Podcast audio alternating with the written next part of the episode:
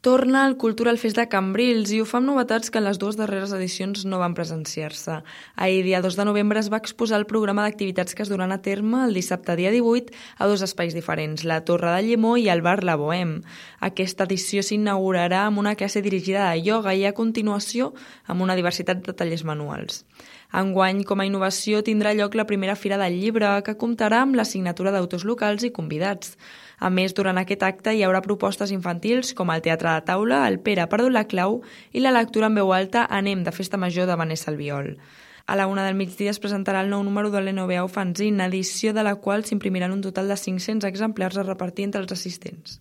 Al vespre, Cultural Fest es desplaçarà al pub musical del municipi La Bohème i seguidament i per finalitzar la jornada actuarà DJ Spot.